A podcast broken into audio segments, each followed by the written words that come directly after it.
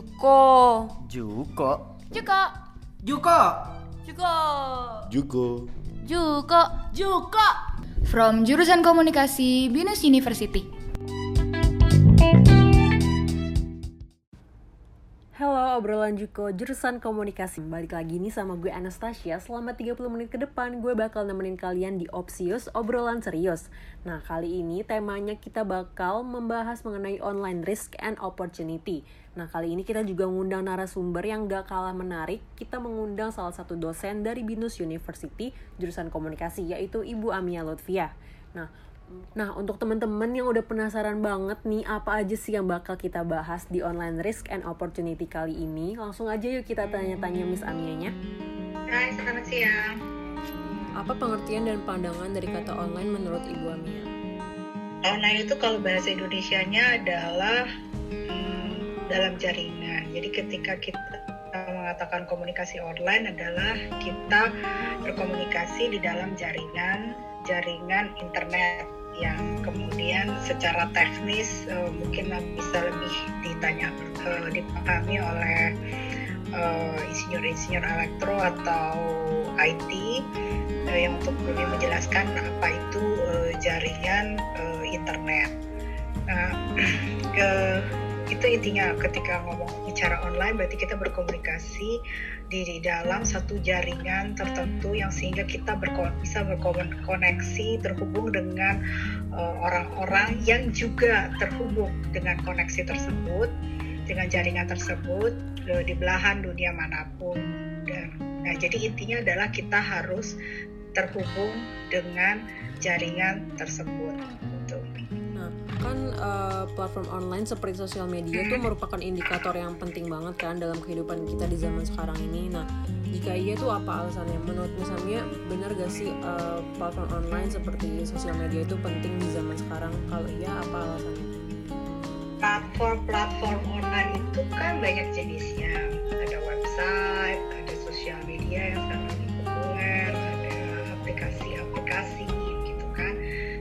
sosial media ini uh, bisa kita menggunakannya karena menjadi bagian dari aplikasi tersebut. Nah, memang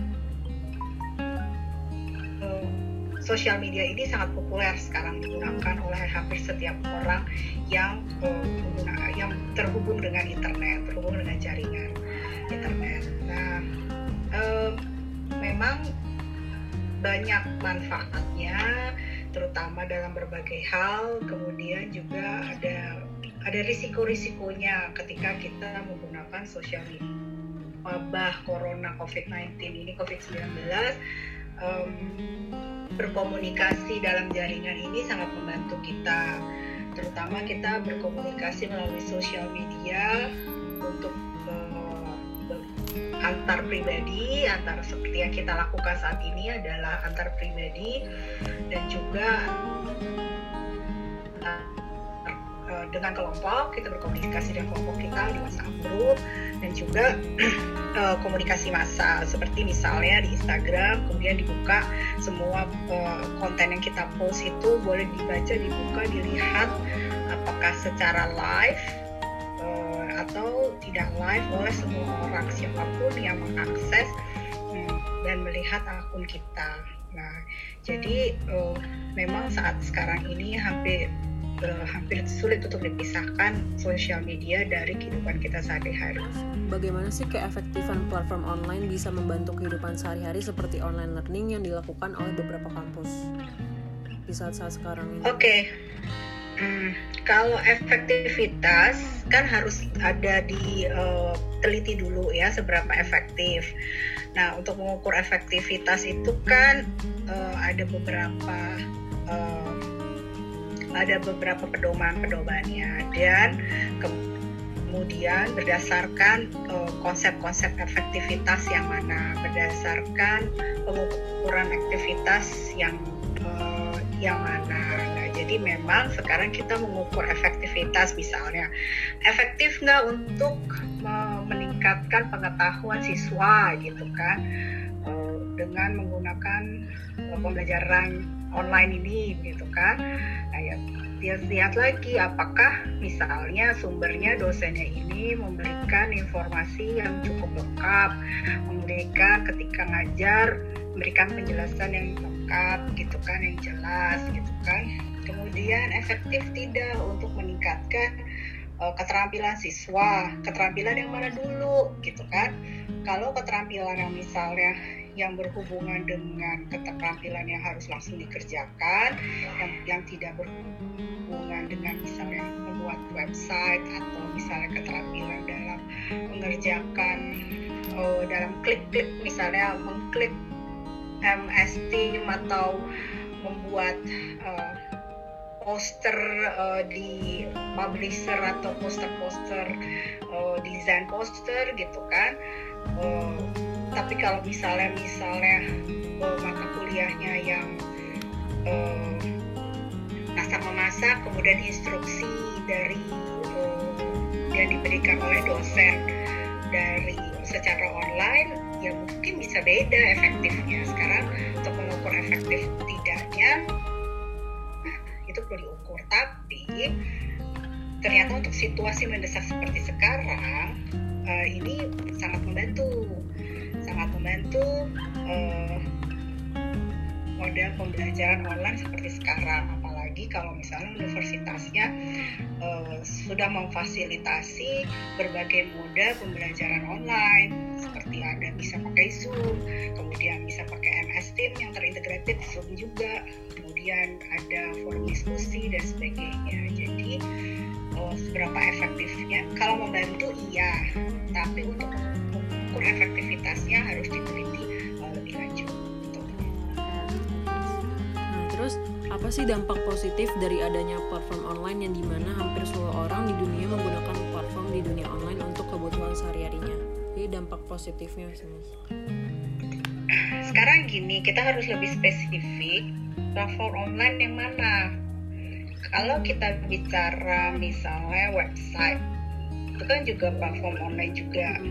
Kemudian kalau uh, sekarang manfaatnya oke okay, website bisa perlu di perlu dilihat lagi secara umum ya secara awam uh, manfaatnya adalah meningkatkan pengetahuan yang pasti kemudian kalau misalnya di bawahnya website ada blog gitu kan itu juga meningkatkan pengetahuan atau apakah menggugah memotivasi menginspirasi dan kemudian kalau misalnya uh, sekarang kalau misalnya masuk ke sosial media sosial media yang mana gitu kan uh, sosial media uh, misalnya YouTube gitu kan uh, YouTube itu jadi kita kembali lagi tergantung dari masing-masing orang sebagai pengguna bahwa sebenarnya bahwa kita sebagai manusia sebagai pengguna kita yang memegang kontrol kita yang menentukan apakah semua modal-modal online ini itu bisa memberi manfaat buat kita. Justru 100% manfaatnya dan tidak ada risikonya atau negatifnya atau justru sebaliknya lebih banyak negatifnya daripada manfaatnya. Nah, jadi tergantung kalau memang e, kalau memang misalnya kita mau hanya hanya hanya memperoleh manfaatnya saja, kadang-kadang banyak hal-hal yang tidak terhindari seperti konten-konten yang tidak patut, konten-konten tidak pantas, kemudian hal-hal yang kita tidak suka. Itu ya kita bisa ignore, kita bisa report dan sebagainya. Jadi kita kita bisa memfilter hal-hal yang kita uh, tidak kita anggap tidak memberi manfaat. Nah, jadi uh, seberapa besar positif? Kalau positif pasti banyak positifnya. Negatif pasti ada negatifnya juga, tapi besaran positif dan besaran negatifnya itu kita yang menentukan sendiri seberapa besar kita mampu uh, memfilter, mengatur uh, bagi apa kita memanfaatkan uh, platform-platform ini. Saya cenderung adalah uh, orang yang melihat bahwa uh, platform online ini apa pun jenisnya itu banyak manfaatnya tergantung bagaimana kita mampu mengendalikannya, mampu menentukan uh, apa yang yang bermanfaat buat kita. Dan memang ada hal-hal yang kita bisa hindari itu ada risikonya atau ada dampak negatif besar kita mampu punya kekuatan dan punya belajar lagi secara terampil untuk menghindari eh, hal-hal uh, yang negatif tersebut atau mengurangi meminimalkan hal-hal negatifnya jadi dampak positif sama dampak negatifnya itu tergantung dari individunya masing-masing ya mas Iya, tergantung. Dan memang misalnya begini, ada hal-hal yang tidak bisa kita hindari. Misalnya penipuan online, atau misalnya pop-up pop-up pornografi. Dan itu kembali lagi, kita harus tahu risikonya bahwa sekarang teknologi ini, bagaimana teknologi ini bekerja. Kita harus banyak belajar juga. Teknologi algoritma ini bekerja, dia tuh bisa mendeteksi, bisa merecord perilaku kita apa saja yang kita klik dan dan dia bisa melihat apa saja yang kita sukai dan tidak kita sukai kita juga bisa memilihkan hal-hal atau apa saja yang kita sukai siapa aja yang kita follow artinya kan kita sukai yang kita pilih. Nah itu kemudian makanya kita harus juga berhati-hati. Kita harus juga bijak dalam hal dalam memilih konten dalam memilih uh, aplikasi gitu kan. Dan memang risikonya uh, ada hal-hal yang nah itu dia. Untuk bisa kadang-kadang kita belum cukup paham ada ada risiko di balik itu semua. Misalnya penipuan atau atau misalnya kalau game bisa ada efek adiksinya dan sebagainya bagi orang dewasa harus punya inisiatif untuk uh, belajar untuk mencari tahu uh, apa konsekuensi, apa risiko dari platform-platform yang baru. Nah, nah untuk misalnya anak dan remaja, mohon orang dewasa membantu dan orang-orang yang lebih paham tentang risiko dan hal-hal negatif dari satu aplikasi atau dari satu platform itu membantu untuk menjelaskan, mengajarkan, membantu kepada eh, kelompok-kelompok uh, yang memang uh, makanya ada namanya literasi digital atau literasi media dan sebagainya. Jadi orang-orang yang lebih berpengetahuan dan memiliki keterampilan di bidang tersebut, uh, ya sebagai adalah menjelaskan, memberitahu, dan kemudian mengajarkan bagaimana orang-orang orang lain uh, dapat memproteksi menjaga dan memproteksi dirinya dari uh, hak risiko-risiko negatif lainnya. terus kan kalau misalnya di platform online contohnya kayak sosial media itu pasti ada peluang sama ada resikonya. Nah cara ngebedain mana yang bisa jadi peluang dalam menggunakan platform online dengan resiko yang ada tuh seperti kayak gimana sih mis cara ngebedain resiko dan peluang di sosial media. Karena kan banyak masih yang belum bisa memanfaatkan sosial media dengan baik oke okay. uh eh, dari penelitian yang saya lakukan eh, banyak manfaat yang diperoleh dari responden yang mereka menyampaikan manfaat-manfaat apa saja yang mereka peroleh. Masalah manfaat pertama adalah informasi, mereka informasi, informasi dan pengetahuan. Kedua adalah manfaat mereka bisa mudah berinteraksi, bersosialisasi dengan orang lain kemudian berarti uh, dan berkomunikasi. Jadi ada ada manfaat ilmu pengetahuan ada manfaat sosial kemudian uh, ada manfaat hiburan. Menghibur menyenangkan hati ketika lagi uh, lelah ketika lagi sedih itu uh, apa sih ada manfaat hiburan juga. Kemudian ada manfaat ekonomi. Mereka bisa berbisnis kemudian bisa kemudian ada manfaat untuk meningkatkan development. Bisa kursus di situ kemudian manfaat lain misalnya uh, contohnya dengan Gojek, Grab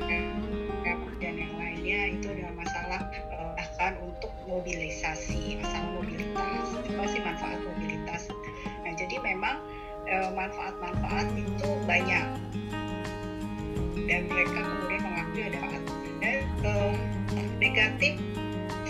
apa ya risikonya. Risikonya mereka juga menyampaikan banyak uh, risikonya juga. Ternyata mereka temukan ada yang namanya risiko konten.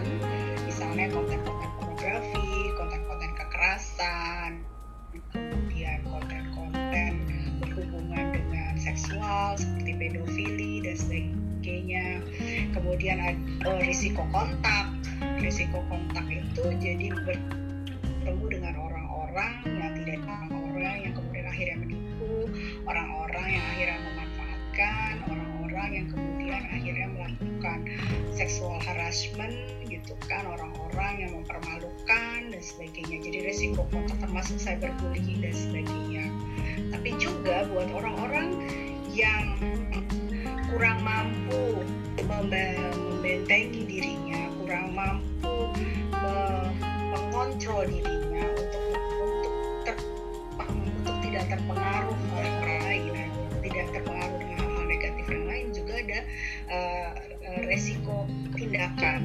dia kemudian jadi jadi pelaku tindakan negatif tersebut. Dia membuli temannya dia membuli orang lain mengatakan hal-hal buruk tentang orang lain kemudian apa, hacking membongkar privasi orang lain bahkan menipu orang lain atau dia kemudian dia berjudi dan sebagainya. Jadi uh, itu semua di, di, di uh, dari dari dari berbagai penelitian hal-hal uh, tersebut uh, dinyatakan oleh uh, banyak responden. Uh, jadi secara umum manfaatnya adalah manfaat pengetahuan dan informasi, manfaat hiburan, manfaat, manfaat berinteraksi sosial, dan kemudian manfaat ekonomi. Dan secara umum juga risikonya atau hal negatifnya risiko konten berbagai jenis isinya dari berbagai platform, kemudian risiko kontak berhubungan dengan orang-orang yang yang kemudian memberi efek negatif, kemudian dan risiko kontak atau tindakan. Nah, risiko berbagai jenis risiko yang tiga tadi itu bisa berefek secara ekonomi juga, merugikan, tertipu, merugikan secara finansial atau secara psikologis, orang jadi depresi, jadi misalnya yang berhubungan dengan manfaat informasi.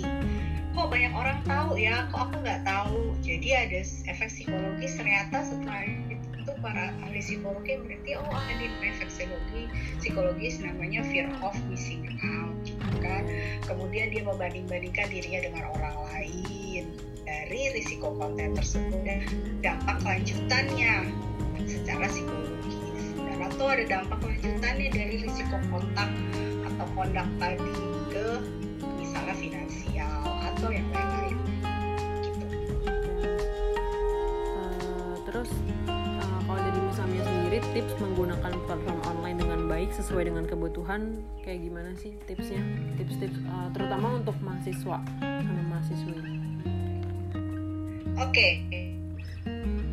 Sekarang uh, saran saya untuk mahasiswa komunikasi khususnya uh, dunia luar menilai kita orang komunikasi uh, seharusnya mereka mengharapkan kita orang komunikasi memahami uh, cara kerja teknologi internet ini. Kemudian cara kerja media media apa pun apakah internet gitu kan sekarang media itu sudah ter tergabung satu dengan yang lainnya. TV misalnya Kompas TV ada TV-nya, ada media cetaknya, kemudian ada media online-nya, jadi terintegratif namanya media convergence. Nah itu bagaimana kerja di balik itu semua? Ada pihak-pihak yang menentukan konten, ada pihak-pihak yang menggiring konten ada netizen, seberapa besar pengaruh netizen terhadap konten, terhadap um, cara kerja media. Nah, itu juga harus di, diketahui setidaknya. Jadi ya kita orang komunikasi harus aktif, proaktif untuk mempelajari, mencari tahu bagaimana misalnya algoritma bekerja, bagaimana menjaga privasi bagaimana berbagai berbagai risiko yang memang sudah uh, kita kita ketahui misalnya secara umum di melalui media massa atau laporan orang dan selanjutnya.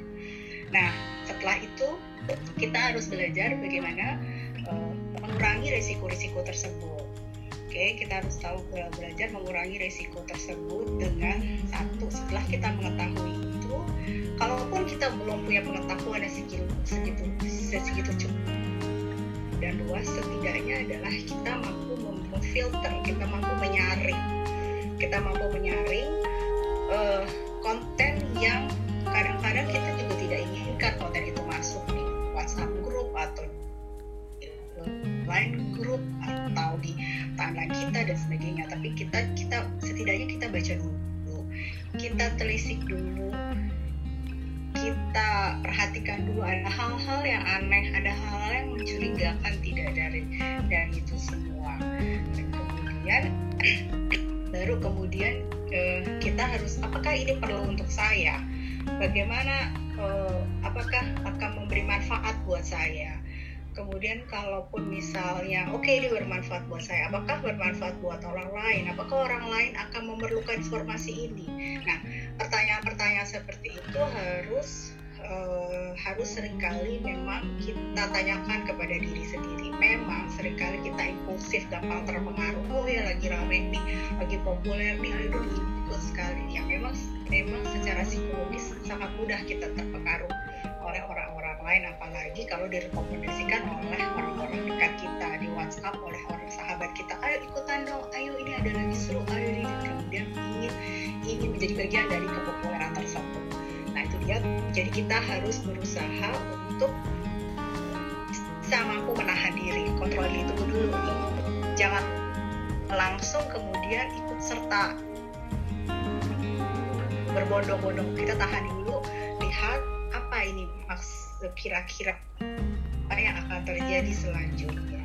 Nah, kemudian dibaca lagi, dipelajari lagi, sehingga setelah kalau iya kita ikut serta di dalam situ, artinya kita sudah sudah memikirkan risiko ataupun konsekuensi yang akan terjadi dari apakah itu jadi satu intinya adalah tipsnya. Terus belajar terus cari tahu tentang bagaimana media tersebut bekerja siapa yang berkepentingan di pihak-pihak siapa aja yang berkepentingan di balik media. Jadi kan konten yang masuk ke kita media itu kan ada orang-orang di balik itu yang bekerja di situ. Ya kan? Kita juga adalah orang di balik media sosial kita. Nah kita harus sadari itu loh kita berkomunikasi dengan orang di media itu. Kita berkomunikasi dengan orang yang melihat konten kita mendengarkan konten kita itu harus sadari itu. Dan kita harus mempelajari itu semua dan bagaimana teknologi itu. Dan kedua adalah kita berusaha bisa mampu ini dan menyaring mana yang bermanfaat untuk kita. Dan kemudian orang-orang lain yang belum bisa untuk menyaring hal-hal negatif karena misalnya tidak bisa safe search gimana settingnya kita bantu. Kemudian hal-hal yang lainnya gitu kan? Atau memberitahu oh, bahwa bahaya ini hoax atau ini menipu dan selanjutnya. Melaporkannya dan selanjutnya. Nah yang ketiga adalah kemampuan kita untuk uh, menahan impulsif maksudnya menahan mengontrol diri kita sendiri pikirkan lagi pikirkan ulang lagi apakah ini bermanfaat atau tidak apakah orang lain memerlukan ini atau tidak itu tips dari saya ya, ya. Ah, okay. itu tips-tipsnya Miss berarti ada tiga nah terus ini yang terakhir nih Miss jika bisa dihilangkan apakah platform online itu uh, tetap harus ada atau dihilangkan aja Terus apa alasannya mempertahankan platform online di era sekarang?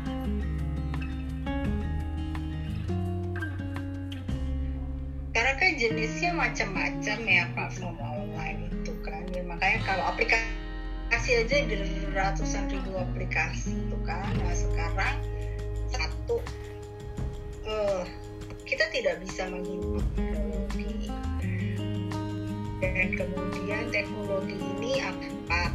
Berubah terus sangat dinamis. Ya sudah kita ikuti perkembangan itu. Dan kita bisa melihat apa perkembangan mampu mengikuti perkembangan teknologi tersebut dan kalaupun memang ternyata misalnya apa, teknologi ini kemudian banyak yang tidak merasakan manfaatnya dan kita juga kan manusia menentukan hilang dan timbulnya teknologi tersebut. Nah, jadi ketika uh, kita yang melihat kalau memang banyak hal hal-hal negatifnya, ya sudah memang saja gitu kan. Nanti itu akan di akan hilang dengan sendirinya kalau memang banyak orang yang yang kemudian merasakan bahwa itu uh, tidak ada manfaatnya, itu uh, berisiko tinggi dan sebagainya. Nah, jadi sekarang kita lihat lagi, kita pilah-pilah lagi. Oke, kita bicara aplikasi, aplikasi apa gitu dalam dalam genre yang mana? Media kah? Sosial media, sosial media yang mana? Yang sangat audiovisual itu kah? Atau yang untuk berkomunikasi interaktif kah? Seperti misalnya uh, Twitter, Instagram dan sebagainya gitu kan walaupun sekarang sosial media semua terintegrated ya kan untuk interaksi antar pribadi. Bisa untuk untuk komunikasi di masa juga bisa tapi sulit untuk memisah-misahkan itu semua jadi kita lah yang menentukan satu aplikasi atau satu jenis platform itu eh, bermanfaat atau tidak. Untuk untuk kita ketika banyak yang mengatakan itu tidak bermanfaat itu akan hilang dengan sendirinya kok atau misalnya kalau kita melihat bahwa uh, tersebut misalnya oh di balik ini ternyata ada perjudian misalnya game di balik ini ada perjudian sangat mempengaruhi psikologis karena kekerasannya sangat tinggi dan kemudian harassment di situ dan sebagainya. Kita yang mengetahui kita yang melihat bahwa ini akan sangat berbahaya untuk orang lain atau terutama anak-anak dan remaja misalnya uh, ya di report aja terus menerus di report terus menerus bahwa ini negatif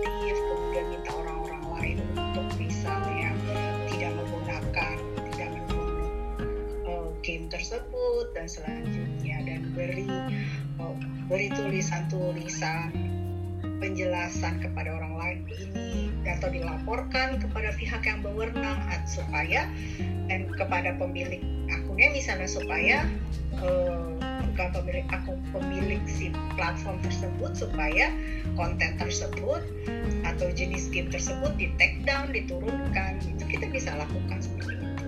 Jadi ketika banyak yang melaporkan itu negatif bisa akan hilang juga asal kita juga mau peduli asal kita juga mau pemerintah juga kita bisa lapor ke pemerintah ke kominfo ada ada tempat buat melaporkannya pemerintah punya wewenang untuk uh, apa memblokir atau take down uh, satu jenis uh, aplikasi atau platform tertentu yang memang uh, itu sangat itu negatif dan masyarakat jadi ikuti saja teknologinya. Kita yang harus pandai kita harus cerdas kita yang harus mau belajar terus. Eh, kemudian kita harus punya kemampuan kontrol diri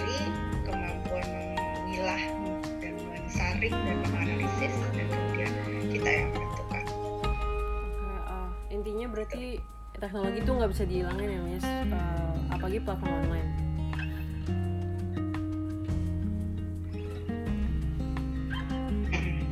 Tidak bisa dihindari lah. Dan kemudian itu akan ada terus. Nanti mungkin dalam waktu dekat ada lagi jenis yang baru lagi deh. Yang ini sudah ada luar sa seperti handphone BlackBerry kemudian hilang yang kada luar akan ada yang lebih baru lagi. Dan itu pasti akan itu akan berkembang terus akan hilang dengan sendirinya kalau memang tidak dibutuhkan lagi ada aku ada yang lagi dan bermanfaat jadi kita bisa menyarankan sebagai orang yang sosial kita bisa